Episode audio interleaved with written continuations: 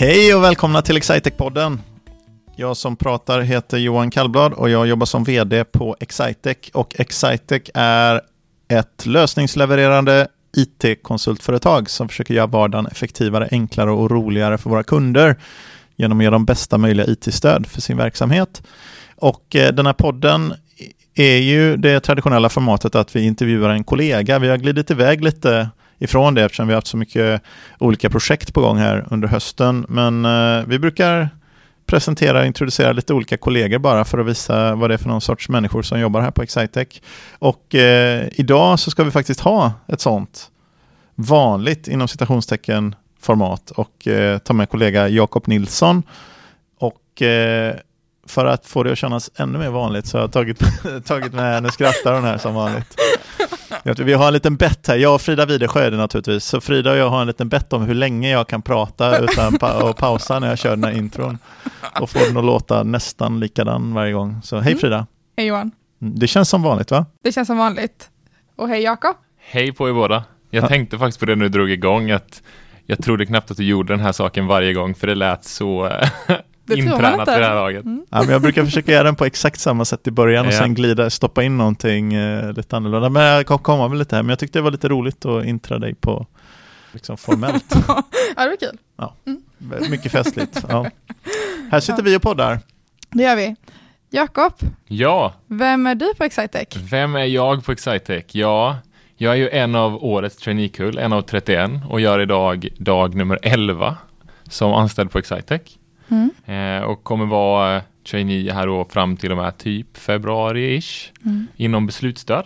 Mm. Eh, så det vill jag på Excitec än så länge, tänker jag. Jag har inte riktigt hunnit skapa Jakob, Excitec Jakob ännu. Just det. Eh, än så länge suger jag bara i mig all information jag kan om företaget. Typ.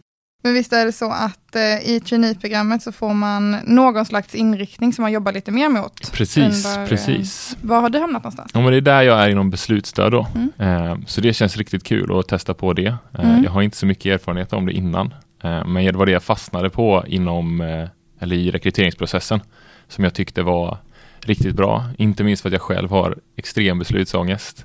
Det finns mm. eh, bra anekdoter om det.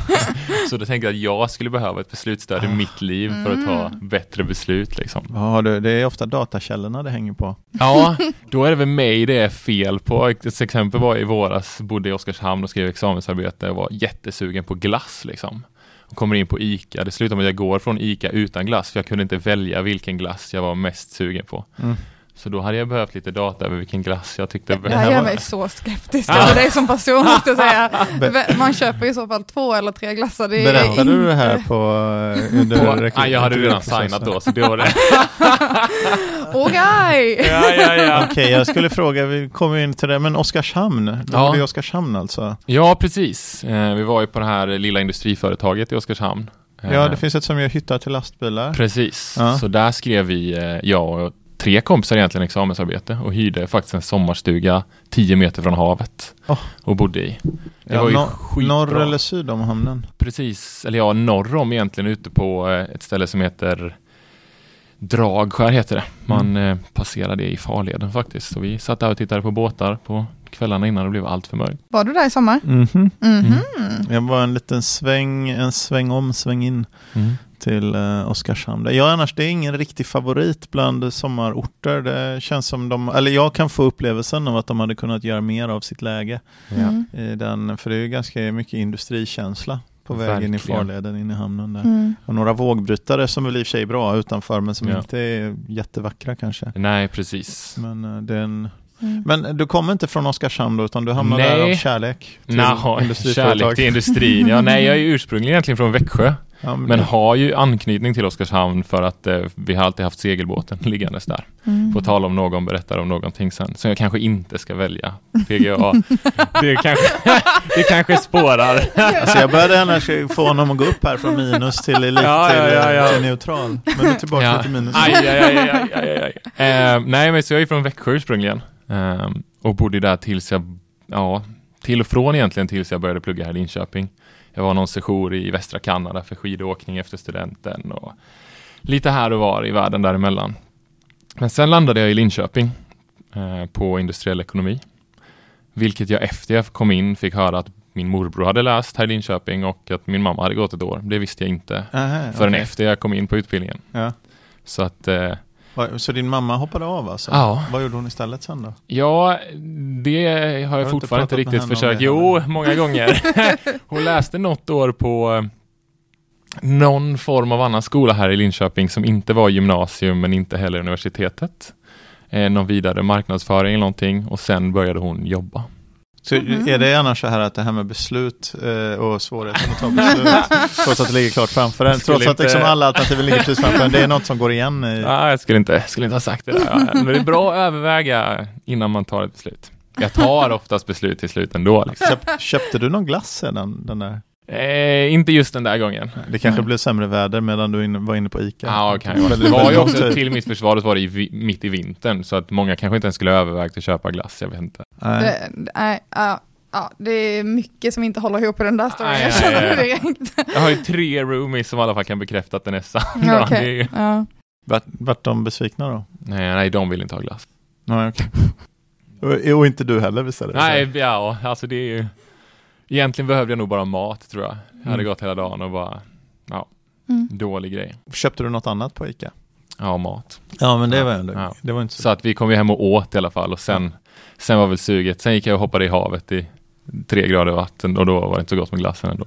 Men eh, Jakob, hur eh, kommer det sig att du fick upp ögonen för Excite? Ja, jag får väl se mig som en del av Anna Karlsson-kullen då.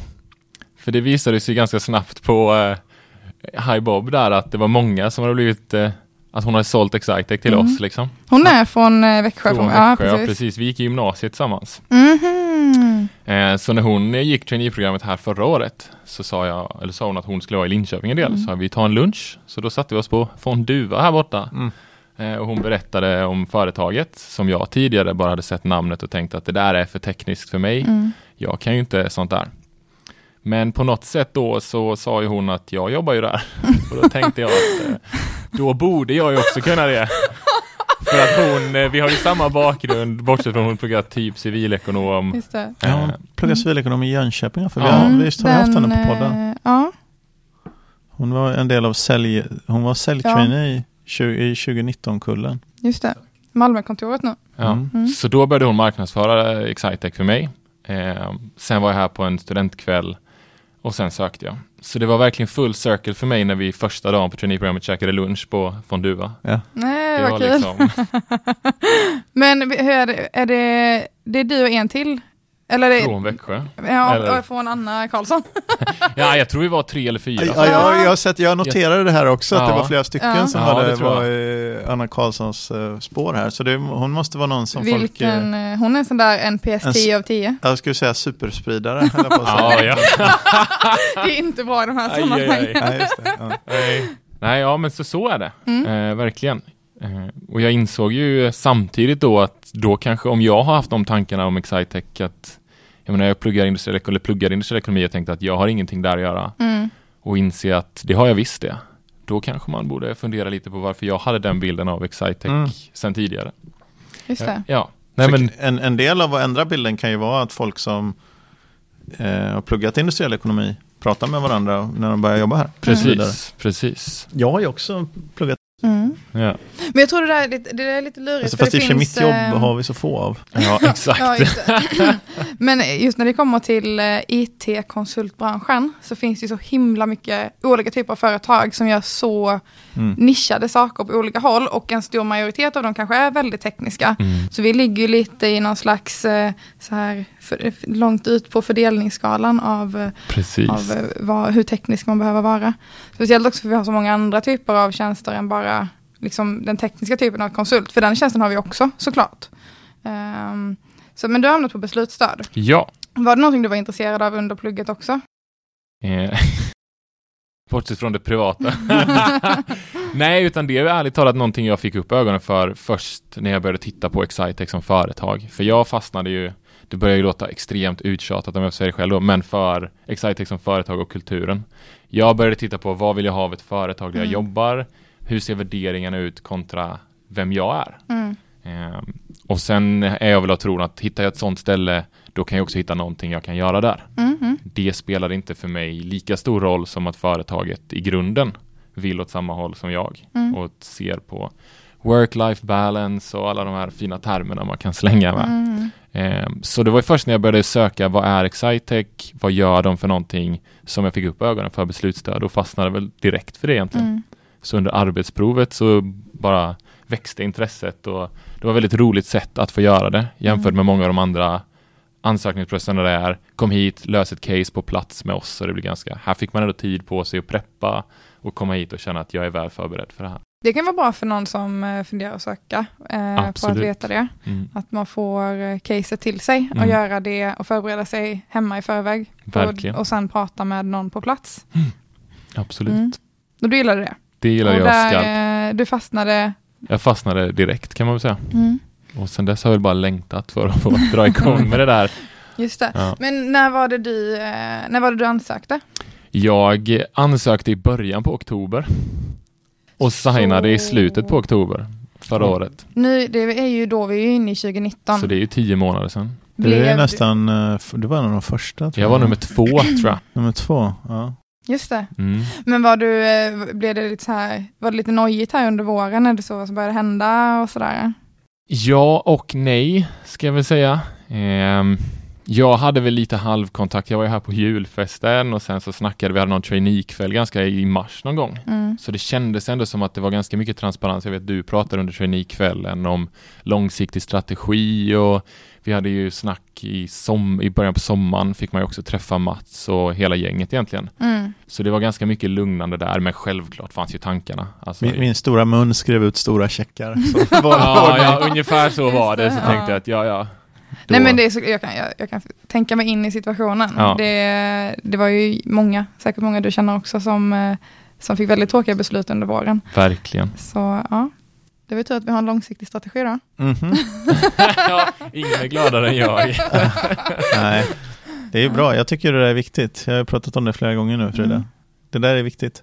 Att inte, alltså om man har i sin strategi att man så, men om något konstigt händer vid sidan om så ska du släppa den och göra något helt annat. Då får man göra det. Men om man nu inte har det, Mm. utan har en lite längre plan. Det kommer komma jobbiga, det är samma det där med högkonjunktur lågkonjunktur och så. Man får ju anpassa lite grann för att vara ansvarsfull och säker och trygg och så vidare. Men i huvudsak så måste man ju själv bestämma vad det är som man vill åstadkomma och göra och sen får man liksom hålla sig till det med de verktygen som man har till bud. Mm. Så kan man ju få justera efter förutsättningarna såklart, men man kan inte ändra strategin för att någonting händer. Om inte den är av karaktären att den ändrar allt. Och Mm. det kan ju en del, en del saker kan ju vara sådana att de ändrar allt.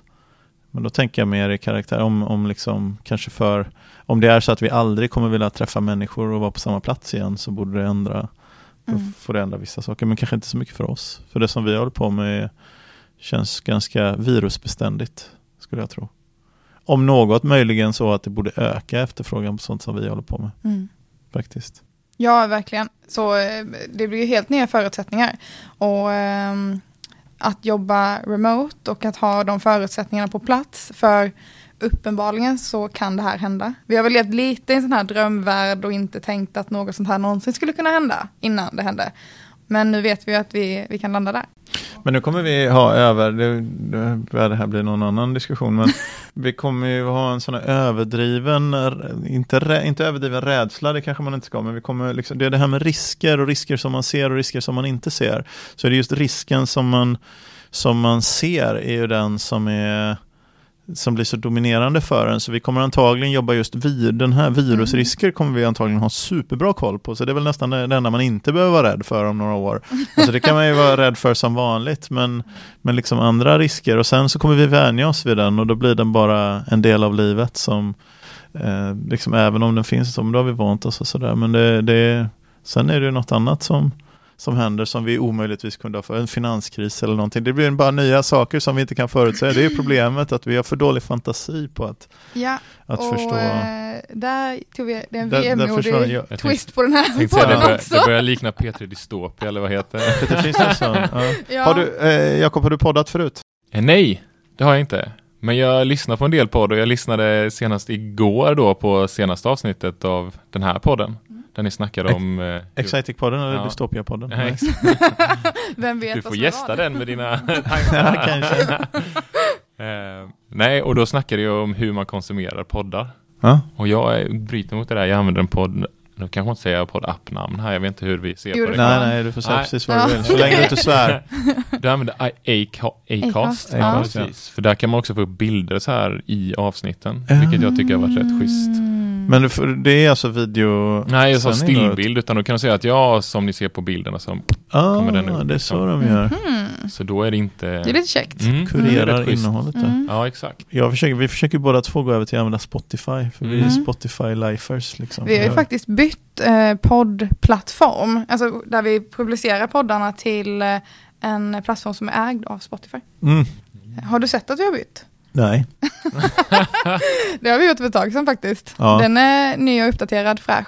Alltså jag Anchor. undrar när de här, så här typ Joe Rogan och, och Bill Simmons, The Ringer, när de gick över till Spotify då var det för att de fick väldigt, väldigt mycket pengar av Spotify. Men vi har gått över till Spotify utan att få väldigt, väldigt mycket pengar. Tror du? Tror jag. Exakt, nytt liksom. eh, Förutom Joe Rogan och eh, Bill Simmons så har vi även Excitec-podden. Jag tänkte säga att det är ändå härligt att det är de du jämför dig med. Liksom. Ja, det är storartat. Ja. Ja. Vad Har de några stora namn i Sverige som är, fast Joe Rogan skulle vara exklusiv för Spotify, var man inte så? Ja, jag vet inte. Men jag, jag läste att de, eller jo, de, att de ska börja spela in egna ljudböcker. Men det var väl bara något rykte än så länge tror jag. I don't know, men det Ja. låter väl bra. Ja. Eh, men, trainee-programmet. Vi vill verkligen inte prata om Jakob. Nej men eh, Jakob, jag tänkte på så här. Vad, eh, det hade varit lite kul nu då, att veta vad du tänker om trainee-programmet här och framåt, vad du har för förväntningar.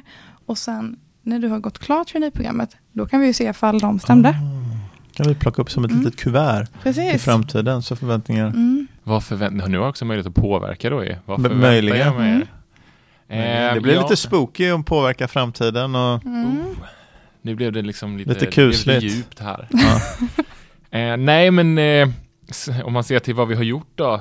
Först och främst så har det ju varit två veckor nu med väldigt breda utbildningar. Liksom, vad är Excitec? Vad gör vi? Vad gör de olika områdena? Eh, och framåt nu förväntar jag mig, och jag, nu har jag lite facit, vi har ju sett kalendern lite. Men jag förväntar mig också en, en djupdykning i beslutsstöd som jag ska jobba med. Eh, jag förväntar mig, och det tycker jag redan att jag har upplevt, att vi får faktiskt vara med med kunder redan in, alltså tidigt. Mm. Jag satt med på ett kundmöte nu precis innan vi kom in hit faktiskt. Vilket känns jätteroligt eh, och man märker på de an- övriga anställda att man stoltserar nästan med att här har vi med traineer också. Mm. Eh, vilket känns jätteroligt och de ger oss verkligen tid att få vara med och lära oss och sitta Mm. med väldigt mycket. Så jag förväntar mig fortsatt engagemang på så sätt. Jag förväntar mig att eh, om jag vill gå in till Johan och säga att Johan, hur tänkte du här? Så har jag möjlighet att, att göra det och så Ja. känns det verkligen. Eh, vilket jag tycker är jättehärligt. Det känns så himla prestigelöst på, någonting, alltså på något sätt. Mm. Jag kan ifrågasätta vad som helst utan att, utan att eh, bli tittad snett på. Man får ju även berömma och säga att någonting är Ja. Så, Så är det absolut. det. Så är Johan det bara flaggar för att du Ja. gå in och Ja. säga att han är Ja. sånt. Ja, ja, Eller bjuda på glass. ja precis. Det kommer nog inte hända Ja, jag ja. det är sant. ja, då kan vi hoppa tillbaka. Jag jobbade faktiskt på en glassfabrik förra sommaren. Oj. Den kör Då GB slapp jag Klassiker-lådan. Då fick man ta hur mycket man ville av Mm. allt ju. Så det är också ett sätt att lösa problemet. Men det är en annan historia. Ja, Jag förväntar mig inte fri tillgång till glass på eh, traineeprogrammet. Det, det gör jag inte. nej. Eh, För allas bästa. Ibland så är det ju någon som lägger glass i ölkylen. Ja, det I finns en glassfrys här uppe nu Ja. Det är bra. Den har jag hittat. Betala 10 kronor så tar ett kryss på Det är väldigt bra. ölkylsrutan så får man ta en glass. Mm. Ja, nej, bra men så fortsatt så förväntar jag mig. Mm. Ehm, Så du menar att vi, vi inte ska kunna, eh, annars så, det kan ju vara ett annat scenario att vi ska upprätthålla den här charaden av härlig företagskultur. ja, liksom i, i, men det borde ha börjat spricka den. Eh, Men eh, det, det, nu har du pratat mycket om vad du förväntar dig av traineeprogrammet. Mm. Vad förväntar du av dig själv under hösten? Oj, oj, oj. Nej, men jag förväntar mig självklart utveckling av mina egna förmågor. Mm. Alltså det gör jag ju. Eh, sen är det första steget in i vuxenlivet, får man säga så, efter att ha pluggat nu i alldeles för många år. Mm. Eh, så det är klart jag förväntar mig en personlig utveckling också. Mm. Framförallt på det professionella planet. Mm. Jag menar, jag är konsultbranschen är helt ny för mig. Eh, så det ska bli väldigt roligt att upprätthålla, eller skapa vardagsrutiner och ta sig an hela den biten. Mm. Eh, jag förväntar mig också att jag kan bidra till, till stämningen och eh, vad Excitec är och vad jag Mm. vill att Excitec ska vara, kanske man ska säga också. Mm. Om man nu ska kunna sätta sin egen prägel på det Mm. kan jag inte riktigt bara falla in i mallen utan eh, tycker jag någonting kan bli bättre så får jag väl förvänta mig att jag tänker driva det och vara med och förändra det. Mm. Så det förväntar jag mig av mig själv. Vem är det som är din mentor? Daniel Altgärde är min mentor. Ja, ja, Daniel. Mm. Han som försökte, han som smet från, jag försökte göra en, uppföljnings, Mm. eh, en uppföljningspodd med honom här, men han smet, märkte du det? Ja, jag märkte det. Han sa det till mig, Han han, sa han, att han- jobbar aktivt med Ducka-podden. Ja, han är väldigt duktig på det. Han var, Han, eh, han eh, ju- sa också stensagt att han hade kundmöte resten av veckan. Det Ja, var liksom så här, han ville verkligen så här dubbelgradera sig att det inte var någon mer poddande. ja. Men eh, hur var det, har han gått eh, traineeprogrammet? Mm. Vilket år var det? Eh, Det var faktiskt bara ett år sedan. Det var det? Mm. Mm. För det är ju många mentorer. Eller var det två år sedan? Så jag fel nu? Det, för det är ju många mentorer som efter traineeprogrammet tar sig an en mentorskapsroll istället. Eh, hur upplever du att din uh, mentor sköter sig nu då? Oh, vågar jag säga det här? Han kommer ju kunna lyssna på det. Nej, men jag tycker Daniel gör det jättebra än så länge. Eh, han är ju lugnet själv, Mm. så att eh, det känns tryggt att ha honom att vända sig till. Det enda han nog ångrar än så länge är att han uppmuntrade mig och Gustav som delar rum med honom att eh, Office Pranks är kul. Så det har han fått uppleva varje dag sedan han sa det. Det. Men eh, det, det som är lite kul tycker jag med, det har jag upplevt, jag har ju inte själv eh, varit trainee, men eh, jag upplever att eh, man, när man kommer som trainee, att man eh, känner att sin, sin mentor kan så himla mycket. Man har ju gått, liksom, man har ändå jobbat ett år, man har stenkoll, men ändå upplever man att man själv knappt kan någonting, man vill liksom fram så himla snabbt och man Ja. knappt så förstår hur, eh, hur man ska kunna lära sig så mycket så snabbt. Det är så sjukt hur mycket man, man lär sig på så väldigt kort tid egentligen som traineeprogrammet är och sen att bara jobba i ett halvår som fullfjädrad konsult och kunna ta sig an en mentorskapsroll. Det är väldigt häftigt. Samtidigt kan man ju relatera då antagligen till hur det var. För jag menar, Daniel vet ju också att han inte kan allting utan han har ju stöd av andra människor runt om sig. Men man kan väl relatera ganska bra till hur det var när man var helt grön. Mm. Så det, jag tror att det är en bra sak. Dessutom är det bra för att växa lite grann. I, eh, sen är ju Daniel ganska bra också.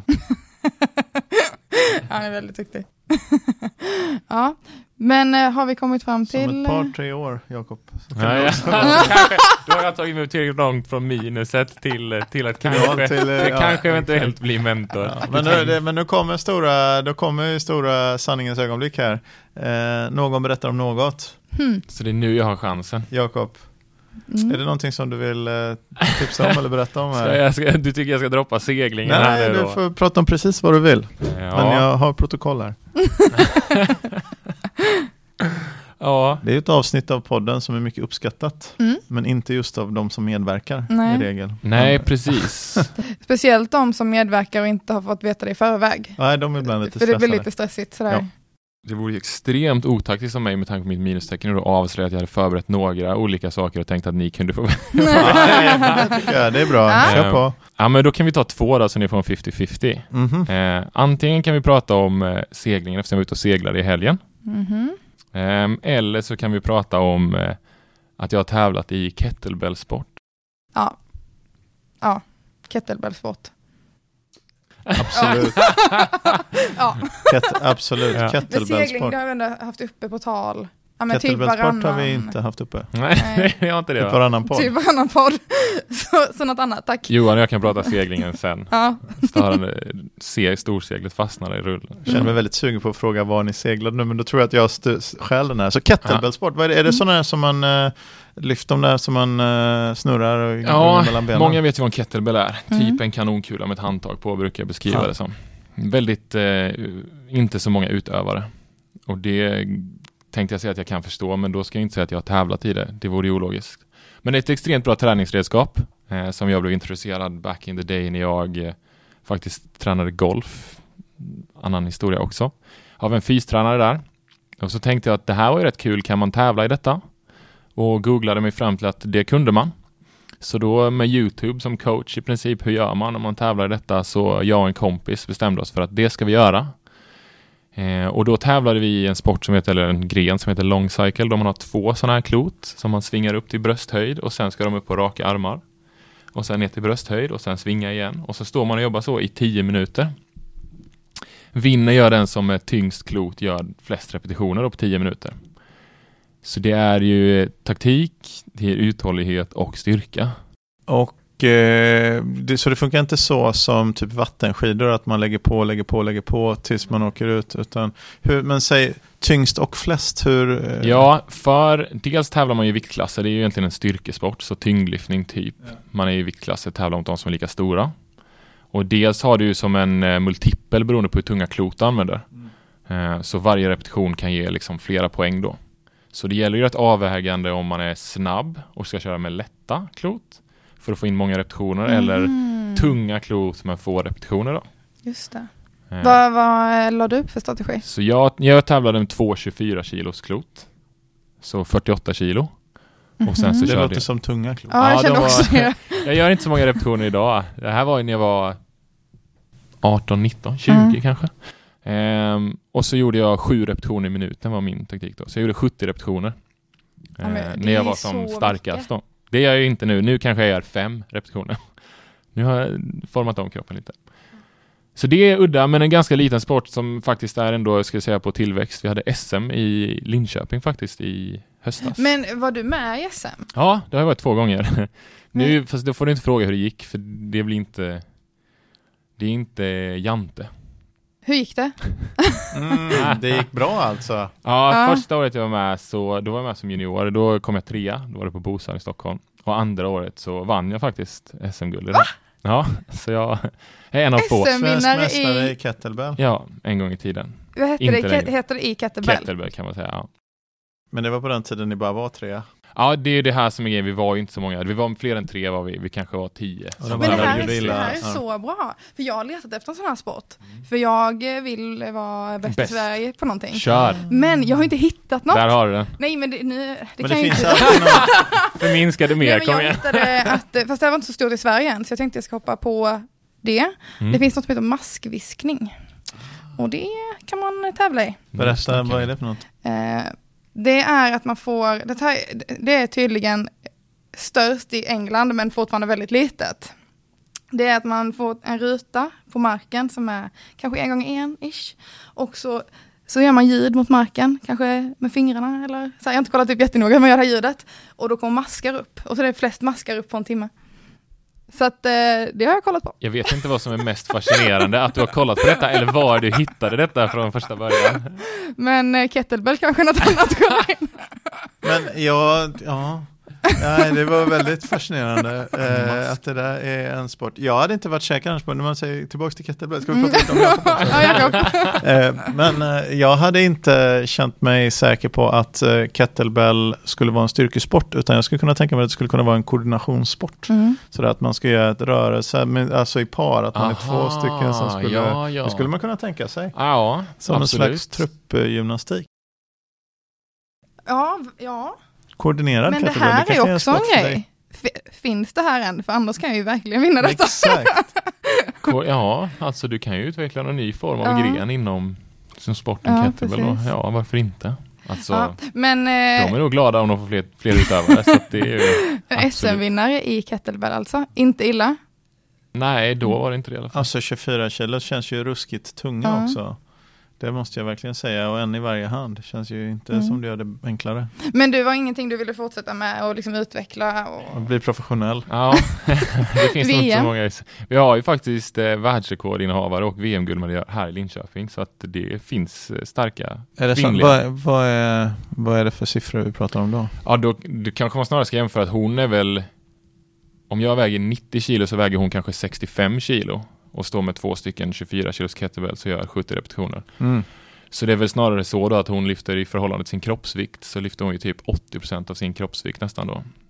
Mm. 60-70 gånger. Ja, Det är ju ganska, ganska det är starkt. mycket. Men är det, jag skulle tänka mig att det finns eh, folk som gillar kettlebell på det här sättet, att det liknar någon crossfit.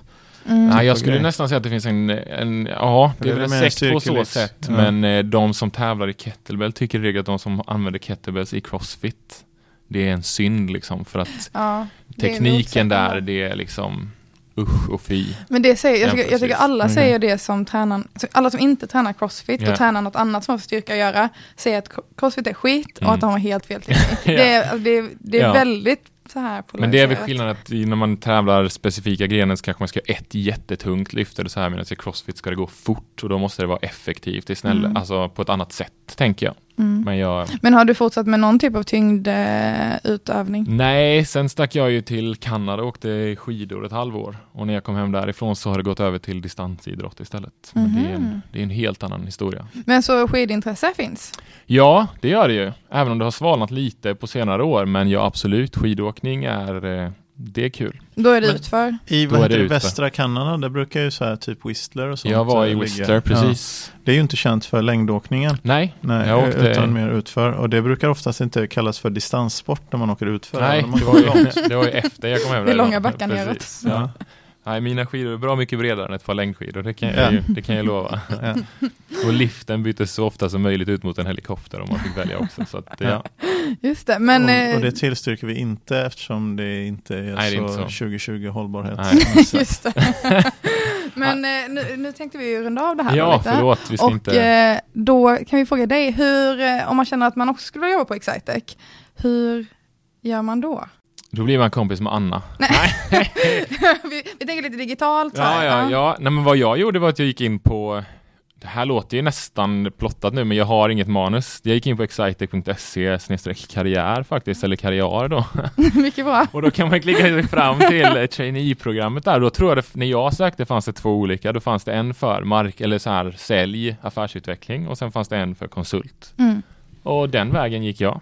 Det lät Det extremt plottat, men det var det inte. Men Det du Frida, om man, om man känner att, eh, att man skulle vilja ha hjälp av företag som Jakob eller kanske ännu hellre hans mentor Daniel eh, i eh, det här med beslutsstöd och beslutsfattande och få hjälp med det. Vad, vad, vad ska man göra då? Då går man in på www.excitec.se och så hittar man alla våra kontaktuppgifter där.